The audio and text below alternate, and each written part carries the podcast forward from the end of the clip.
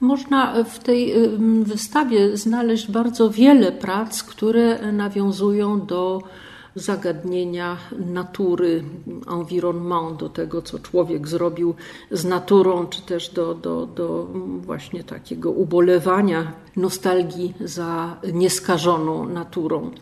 E, najwyraźniejszym takim filmem jest Teraz Raj Matthew Day Jacksona, młodego artysty amerykańskiego który nawiązuje troszkę do gotyckiej powieści grozy, do e, rozmaitych obrazów właśnie przenoszących nas w świat po końcu świata. Matthew Day Jackson jest tutaj protagonistą i bohaterem tego filmu. Jest czymś w rodzaju szamana. Idzie przez krajobraz. No i w pewnym momencie jadący autostradą młody człowiek, też on, wypija jakiś soft drink, wyrzuca butelkę i właściwie od wyrzucenia tej butelki zaczyna się straszny dramat.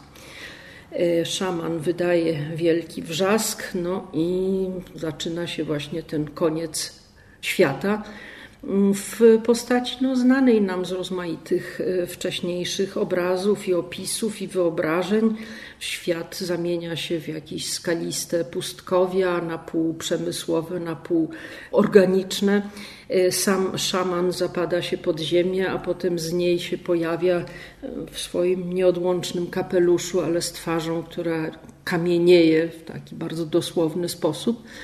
No i kontynuuje swoją wędrówkę przez przyrodę, która jest już zupełnie martwa, aż dochodzi do miejsca znowu utopijnego, to znaczy takiej pięknej willi Misa van der Rohe, gdzie spotyka ocalonych z zagłady.